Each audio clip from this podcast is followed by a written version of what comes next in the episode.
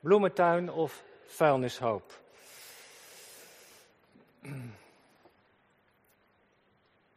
Gemeente van Christus, u hier in de kerk thuis verbonden. Dat er tussen een bloementuin of een vuilnishoop een wereld van verschil zit, dat weten we allemaal. De ene is een plek waar je graag wilt zijn. Je wandelt erdoor, je ziet de geuren, de, je ziet de kleuren, je ruikt de geuren, de bijen, de vlinders. Je kijkt je ogen uit, soms langs de kant van de weg, met al die variëteiten. Prachtig om te zien. De andere is een plek waar je snel aan voorbij loopt. Hé, hey, iemand heeft afval gedumpt daar, het is smerig. Het stinkt soms als de zon al een tijdje brandt. Slecht voor het milieu trouwens. Twee plekken die totaal andere gevoelens, associaties oproepen. De een positief, de ander negatief. Een grote contrast tussen een vuilnishoop en een bloementuin is haast niet denkbaar. En dat contrast, bloementuin, vuilnishoop. In dat Bijbelgedeelte dat we hebben gelezen zit ook een geweldig groot contrast. Paulus beschrijft twee werelden die radicaal verschillend zijn. Ze staan lijnrecht tegenover elkaar. Maar soms zitten ze dichter bij elkaar dan we zouden willen. Gelaten 5 gaat over de werken van het vlees, vers 19 en verder. Als je een Bijbel hebt of op je mobiel, kijk maar gewoon even mee zo. 19, de werken van het vlees, meervoud. En aan de andere kant enkelvoud, vers, 9, vers 22, de vrucht van de geest. En het verschil tussen die twee is levensgroot. Bloementuin of vuilnishoop. Het afval dat stinkt, dat, dat, dat, dat maakt je ziek. Maar die ander ruikt lekker, daar knap je van op. En de vrucht van de geest, dat gaat over, vers 22, over wat de Heilige Geest in het leven van mensen uitwerkt. En die negen eigenschappen die in vers 22 worden genoemd, die groeien niet vanzelf in ons. Nee, die worden door de geest gewerkt. En dat is een hard en taai werk van de Heilige Geest. Maar de werken van het vlees, ja, die groeien van als vanzelf. Daar hoef je helemaal niets voor te doen. Het is net als onkruid. Je hoeft er eigenlijk helemaal niet naar om te zien, maar het, het bloeit en het groeit, het floreert, om zo te zeggen. Het komt allemaal vanzelf op. En dat is nou juist het precieze probleem waar Paulus mee worstelt. Voor dat ene is een taai werk van de geest nodig, vraagt ook inspanning van de gelovige. En aan de andere kant, dat, dat bloeit en groeit en dat komt zonder moeite zomaar op.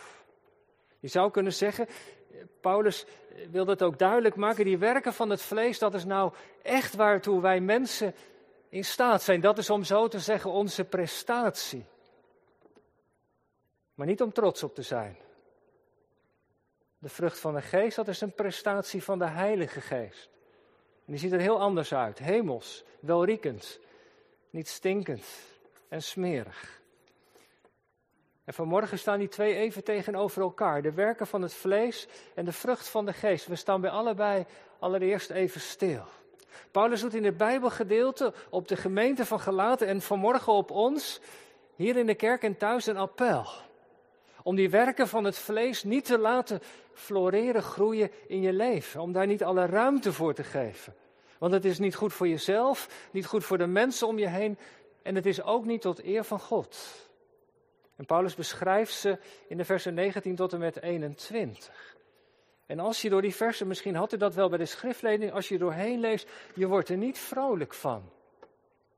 Allereerst gaat het over, begin vers 19, alles wat met seks en seksualiteit te maken heeft.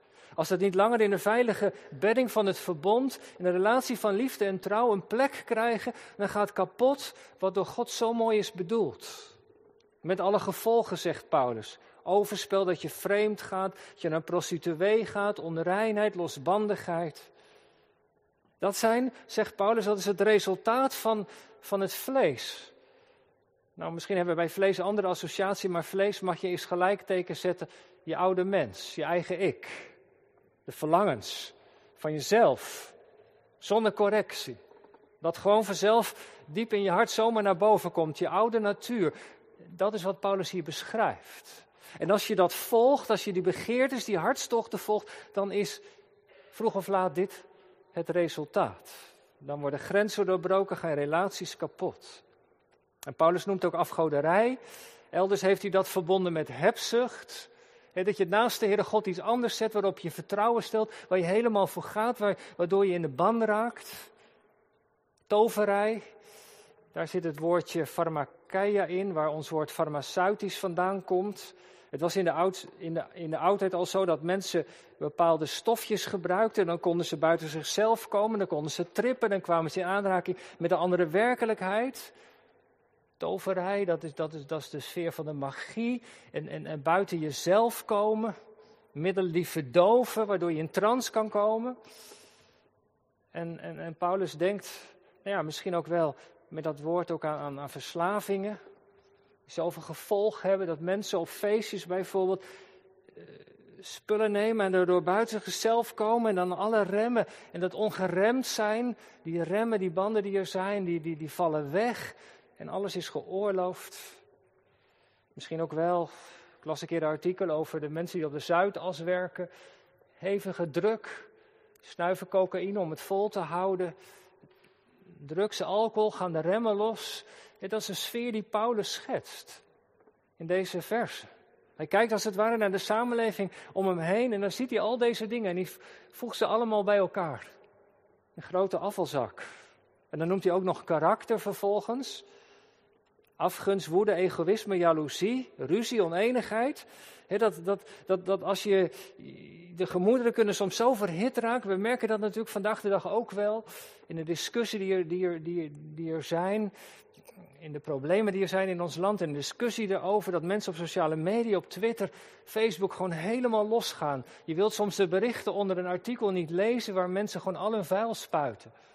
Polarisatie die toeneemt is het gevolg zij onze oude ik zomaar laten, de vrije ruimte laten geven. En ik zeg niet dat het terechte zorgen zijn dat je over niet moet spreken, maar Paulus denkt hier aan dat ongeremde, dat je gewoon maar je gang gaat, wat er bij je boven komt, dat je dat eh, laat gebeuren.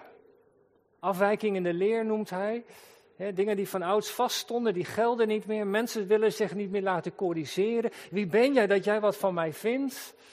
Maak ik zelf al uit. Het kritische tegenover van een tegenstem, de tegenstem van het woord, daar is eigenlijk geen ruimte meer voor. Dronkenschap, zwelgpartijen, daar zit de remmen gaan los. Paulus met andere woorden in al deze versen beschrijft iets als wij onze oude mens gewoon maar de ruimte geven. De werken van het vlees. De werken van ons oude ik. En als je dat lijstje opsomt, als je eens even in die zak kijkt die Paulus daar zo beschrijft, dan zie je allerlei dingen die destructief zijn, die jezelf en anderen kapot maken. Relaties, het fysieke sfeer. Je moet er even bij een afvalberg even een plaatje bij hebben. Dat is allemaal troep. De geur is ook niet fijn. Het stinkt. En Paulus gebruikt in deze context ook zelfs nog de taal van dieren. De oude mens heeft iets dierlijks, om zo te zeggen, vers, vers 15. Dat speelde dus blijkbaar ook in de gemeente van Galaten. Dat jullie elkaar bijten en verslinden. Soms als mensen ook in een huwelijk, in een huis niet met elkaar kunnen harden, dan zeggen ze leven als kat en hond met elkaar. Nou, zoiets. Als je je laat regeren door je eigen ik, en als je niet bereid bent de minste te willen zijn, dan gebeurt dat dus. Dan ga je de ander bijten, kapot maken. In je werk, in je relaties kan dat gebeuren. En Paulus maakt als het ware met deze versen, hij geeft ons even een inkijkje. Hij maakt een soort foto van de samenleving. Natuurlijk zullen er ook wel goede dingen geweest zijn in die tijd. Maar hij beschrijft nu even wat er gebeurt als wij alle ruimte krijgen om te doen wat ons hart ons ingeeft. Een foto van de oude mens. En als wij heel goed naar die foto kijken, dan denk ik dat we vanmorgen met elkaar wel kunnen instemmen, denk ik dat het ook een actuele foto is. Niet alleen van toen de Romeinse samenleving, maar, maar als we om ons heen kijken, zien we ook allerlei dingen gebeuren. Dingen waar we soms zelfs ook bij, zelf ook bij betrokken zijn. Dat is soms ook het pijnlijke. Verruwing in de samenleving, de boosheid, het ongenoegen, het gebrek aan geduld, de kaalslag in relaties. Gebrek aan vertrouwen. De grenzen die steeds weer worden opgezocht. En Paulus doet dan ook. Hij kijkt naar die samenleving, hij kijkt naar de gemeente, hij doet dan ook een indringend appel op de broeders en zusters. Hij zegt als je ja, je eigen gang maar gaat, dan zul je het koninkrijk van God niet beërven. Dan mag je niet in die nieuwe wereld die Jezus heeft geopend naar binnen gaan. En dat zou toch jammer zijn? Kijk nog eens goed naar je leven en luister naar het appel van het woord. En als je bezig bent met deze dingen, als je in de spiegel kijkt van de wet en van, van deze dingen, en je merkt van ja, maar dat in mijn leven, dat in mijn leven, dan is het zaak dus om tot inkeer te komen, om je te bekeren. Want je kan het niet meenemen, je kunt jezelf niet meenemen, je kunt jezelf verliezen. En dan gaat het koninkrijk van God aan je voorbij. Als je blijft investeren in je vlees, dan, dan dreig je dus het risico om verloren te gaan dan verspil je je toekomst in Christus. Er staat iets op het spel. Daarom dus het appel. En wij luisteren mee vanmorgen en wie de schoen past, trekken hem aan. Als de geest je hart raakt, doe er wat mee vanmorgen. De vuilnis belt. Maar er is ook een bloementuin. Paulus tegenover die werken van het vlees spreekt hij ook over de vrucht van de geest. Een boeket met negen bloemen, een vrucht met negen partjes. Zijn wandeling van de vuilnishoop naar een bloementuin. En je moet het je voor ogen zien. De vrucht van de geest. En laten we daar ook eens even naar kijken, naar dat plaatje wat de apostel tekent. Hij noemt negen aspecten. En je zou ze in drieën kunnen verdelen. Die vrucht van de geest in het leven van ons, dat taaie werk van de Heilige Geest, dat is hierop uit. Dat die vrucht zichtbaar gaat worden. Liefde, blijdschap en vrede. Die hebben, de uitleggers wijzen erop, die hebben allereerst met de relatie met de Heere God te maken. Dat zijn eigenschappen die trouwens helemaal bij Hem horen. En die de geest ook in ons leven wil uitwerken. De geest laat ze groeien. Liefde, dat de liefde van God, dat je ogen open gaan voor de liefde van Christus, dat je die beantwoordt. En de blijdschap, de verwondering. Dat je een kind van God mag zijn, dat je mag leven, dat je weer een dag hebt gekregen uit de hand van God. De blijdschap over de relaties, over de mooie dingen die er zijn. Je moet niet alleen maar kijken naar het glas dat half leeg is. Maar je hebt tenminste nog de helft. Die blik van de geest. En de vrede midden in omstandigheden die ingewikkeld zijn, toch een diepe vrede. dat heeft met de relatie met de Heere God te maken, van God uit naar ons toe in ons antwoord. En het tweede, geduld, vriendelijkheid, goedheid, die hebben vooral te maken met de relatie met elkaar. Geduld. Als de geest dat uitwerkt in je leven, nou ja, de geest leert je dat, om met moeilijke en irritante mensen om te gaan. Vriendelijkheid. Hoe mensen je ook benaderen. Dat is de grondtoon waarmee je naar anderen toe gaat. Tonen van liefde van mensen in nood. Dat is niet eenvoudig, nee. Jezelf wegcijferen, zelfopoffering, goedheid. Ruimhartig te zijn naar anderen. En de relatie met anderen. En het derde, te maken met de relatie met onszelf geloof, zachtmoedigheid en zelfbeheersing. Geloof, dat is iets van, van trouw. Pistis is hier iets van trouw. Dat je trouw bent in de dienst aan de Heer, op je post blijft in de kerk. Trouw in de omgang met Hem. Zachtmoedig. Nee joh, zeg jij maar. Ik vind het wel prima als jij de eerste keus maakt. Jezelf in de hand weet te houden. Als mensen iets zeggen wat niet leuk is. Mensen die nee zeggen tegen zichzelf. Die vrucht van de geest, zegt Paulus, die is zo totaal anders. En die laat als het ware twee foto's zien. Een foto van de werken van het vlees en aan de andere kant die vrucht van de geest, een foto. En ik weet niet, ik ga er zo wat snel overheen, maar als je dat wat laat indalen, als je dat laat wat binnenkomen in je hart, wat roept dat dan bij je op? Bij u, bij jou. Je ontkomt er toch niet aan om met apostel Paulus vanmorgen in te stemmen. Als ik dat zo lees over die vrucht van de geest, dan, dan is dat toch eigenlijk waarvoor ik bestemd ben. Wat zullen de mensen om me heen blij zijn als iets van die vrucht van de geest zichtbaar wordt in mijn leven? Wat zal de samenleving ervan opknappen als wij als de geest dit in ons leven uitwerkt. Paulus laat met de vrucht van de geest ook een foto zien. Op die foto zien we de contouren. Niet van onszelf, maar van de Heer Jezus. Het is eigenlijk een foto van de Heer Jezus. Liefde, blijdschap en vrede waren ten volle in zijn leven aanwezig. Het is een beeld van de heiland. Geduldig, vriendelijk en goed. Hoe is de Heer Jezus met jou, met u, met mij geweest in de afgelopen jaar? Was hij geduldig? Jongen, absoluut. Is hij vriendelijk geweest? Zeker. Heeft hij mij gecorrigeerd? Ja, dat ook. Maar dat was zijn genade dat hij me niet losliet. Je ziet in deze eigenschappen een afbeelding van de Heer Jezus. En nu zegt Paulus tegen de broeders en zusters van Galaten, en vanmorgen tegen ons, zet die foto van de Heer Jezus, om zo te zeggen, nu eens op je bureau. In je huiskamer. Die negenvoudige vrucht.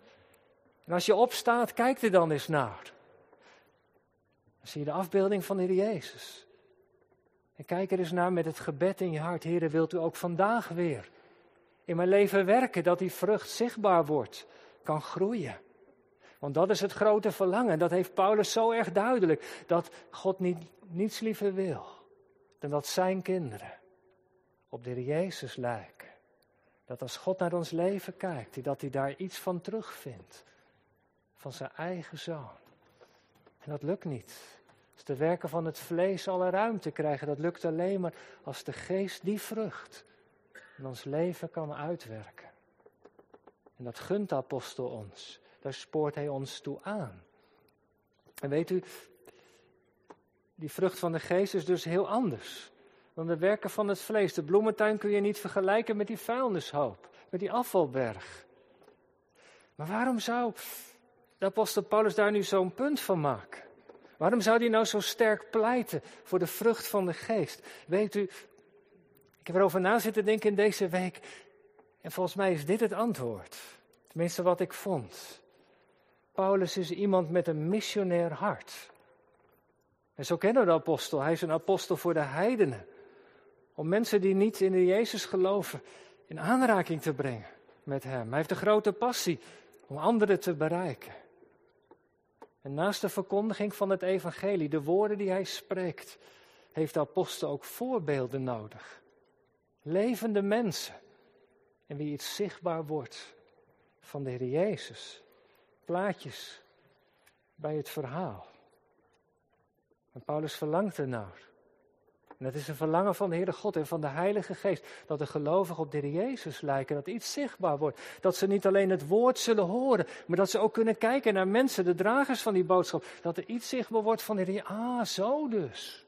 Dat betekent het om in deze Jezus te geloven. Zodat iemand die niet gelooft naar de brief kijkt, die ik ben, die jij bent. Ze niet alleen kunnen horen, maar ook iets kunnen zien. Zo werkt dat dus, een leven uit het geloof. Kijk, de werken van het vlees, die kent iedereen. Daar hoef je geen reclame voor te maken. Toen niet en nu ook niet. Je hoeft maar om je heen te kijken, je oor te luisteren te leggen. Je ziet het en je ruikt het. Maar dat nieuwe van het koninkrijk, de vrucht van de geest, die kennen mensen niet vanuit zichzelf. Voor velen onbekend. En daarom is het zo belangrijk. En daar is ook ja, de passie van de apostel Paulus, dat in de christelijke gemeente de voorbeelden zijn van mannen, vrouwen, jongens en meisjes, die iets weerspiegelen van die vrucht van de geest. De liefde, de blijdschap. Iemand die binnenkomt en die merkt het die merkt het. In het geduld, in de vriendelijkheid, in de zelfbeheersing. Dat is dus de drijf van de apostel Paulus. En ik hoop dat het ook ons verlangen is. In die zin dat de vrucht van de geest zo zichtbaar wordt dat mensen die de Jezus niet kennen, door naar ons leven te kijken, toch op het spoor van de heiland komen. En daarom, lieve broeders en zusters, wandel door de geest. Laat die geest maar werken in je leven. de vrucht van de geest. Als wij door de geest leven, laten we dan door de geest wandelen. Wandel door de geest, is het appel wat Paulus doet. Maar ja, zo vaak komt het er niet van. Hoe zit dat dan? Hè? Hoe kan die vrucht nou in mijn leven groeien? In jouw leven, in uw leven. Nou, laat me er twee dingen over zeggen. God laat die vrucht groeien. Zijn belofte. Maar hij vraagt ook iets van ons. Eerst over het laatste. Wat vraagt de Heere God van ons? Wat kan ik doen? Er zit aan de vrucht van de geest, gemeente, een hele praktische kant. Laat ik het maar heel concreet maken. Bij de beslissingen die je neemt. Door je eens af te vragen, dient dit het belang van de Heere God, van zijn koninkrijk? Of dient dit vooral mijn eigen belang? Je zou kunnen zeggen, als christen sta je elke dag voor de keuze. Volg ik mijn eigen ik? Of durf ik die vraag te stellen, Heer, wat wilt u dat ik doe? Het begint al ochtends als je uit bed stapt, zei iemand. Er liggen twee matjes voor je bed. Die van je eigen ik en die van de geest. Op welk matje ga je staan? Of later in de dag. In de keuze die je maakt of in de reactie op een vergadering. Als je reageert, is dit mijn vlees dat reageert? Of handel ik in de lijn van de Heer Jezus? Laat ik mij door Gods geest leven. Paulus wil dat die spanning erin komt. En dat zal nooit zonder spanning natuurlijk gaan. Ik, ik, ik kan niet zomaar doen wat ik wil. Maar God wil dat ik hem raadpleeg. Dat ik elke keer, elke dag weer kijk naar die foto van de Heer Jezus. Ja, Heer, maak mij tot zo'n mens. Elke morgen weer opnieuw. Weet u, in ons hart is geen plaats voor twee personen. Het is of ik of Christus. Ik kan er maar één de regie hebben. Zo simpel is het. Ikzelf of de geest. Goed, dan kun je dat natuurlijk ook belachelijk maken. Nou ja, moet ik dan voor elke keuze toestemming aan de Heere God vragen? Mag ik toch ook zelf? Er is ook zeker toch ruimte. Moet ik de kleding die ik aandoe, de keuzes die ik maak, allemaal met de Heere God bespreken? Dat hoeft toch zeker niet? Of ik vanmorgen op, met de fiets naar de kerk ga, wandelend of met de auto, dat mag ik toch zelf wel bepalen? Hoe zit dat eigenlijk? Moet ik nou voor elk wasje de Heere God raadplegen? Nee, gemeente, ik chargeer dat natuurlijk niet. Er is vrijheid. Zeker, absoluut. Maar wel bij belangrijke beslissingen dat we die vraag stellen: Heer, wat wilt u dat ik doe? Dat is wandelen door de geest. Vraag je dat nou eens af in de week die komt. Is dit een verlangen van, mij, van mijzelf? Of zou dit een verlangen van de Heer voor mijn leven zijn? Nee, dat is niet makkelijk. Zeker niet. Soms zitten we op het verkeerde spoor. Maar het gaat om de intentie. Dat is het. In heel veel populaire liederen wordt vandaag gezegd dat je je hart maar moet navolgen. Nou, dat zou Paulus niet zomaar zeggen. Je bent pas echt vrij als je doet wat je verlangt. Paulus zou zeggen, je bent pas echt vrij. Als je in het spoor van de Heer Jezus gaat, dan word je diep gelukkig. Het is geen makkelijk spoor. Maar je beantwoordt aan het doel dat Hij met je leven voor heeft. En Hij heeft ons voor niets minder over. Dus die vraag, laat die met, met ons meegaan, ook in de week die komt. Maar ik eindig niet met wat wij moeten doen, dat zou te mager zijn. Want er staat ook een hele mooie belofte. Kijk eens even naar vers 16. En daar, daar eindig ik mee vanmorgen. Paulus zegt, ik zeg wandel door de geest, dat is het appel. Stel die vraag maar, zoek de Heer. En dan volgt, en u zult zeker de begeerte van het vlees niet volbrengen. Dat is een belofte. Paulus zegt, als je met vallen en opstaan die beweging maakt. Om ook in alles wat je doet, het verlangen te hebben, het gebed. Heer, maak mij. Laat die vrucht in mijn leven opgroeien. Laat mij zijn, worden zoals de Heer Jezus, zoals u dat heeft bedoeld. En dan zegt de apostel, en dan zul je niet, zeker niet de begeerte van het vlees volbrengen. God draagt er zorg voor dat we vrucht dragen. Het kleine stapje wat ik zet, wat God van mij vraagt, dat is omarmd door de grote stap, door de grote belofte van de Heere God. Hij zorgt er zelf voor dat die vrucht groeit. En dat iets zichtbaar wordt van de Heer Jezus in mijn leven. U zult zeker de begeerte van het vlees niet volbrengen. Zo eindigt deze dienst niet met een appel, met een belofte. Dat is wat de Heere God belooft te zullen uitwerken in mijn, uw en jouw leven. Dat Hij mijn kleine stapjes, mijn wankelmoedige keuzes opneemt in zijn grote, grote armen. En dat Hij ervoor zorgt dat u, jij en ik, als jonge meisje, man, vrouw, iemand wordt waarin iets zichtbaar wordt van het leven van de Heer Jezus. Dat als God naar mij kijkt, dat hij iets van zijn zoon terugziet. In mijn leven, in jouw leven, in uw leven. Als mensen van buiten komen. Dat ze iets zien van wie de Heer Jezus is. Vuilnishoop? Nee, liever niet. Nee, die bloementuin. Daar knap je van op. Die foto van de Heer Jezus, daar gaat het om. Dat verlangt de Vader en ik hoop u en jij ook. God zal ervoor zorgen door zijn geest. Amen.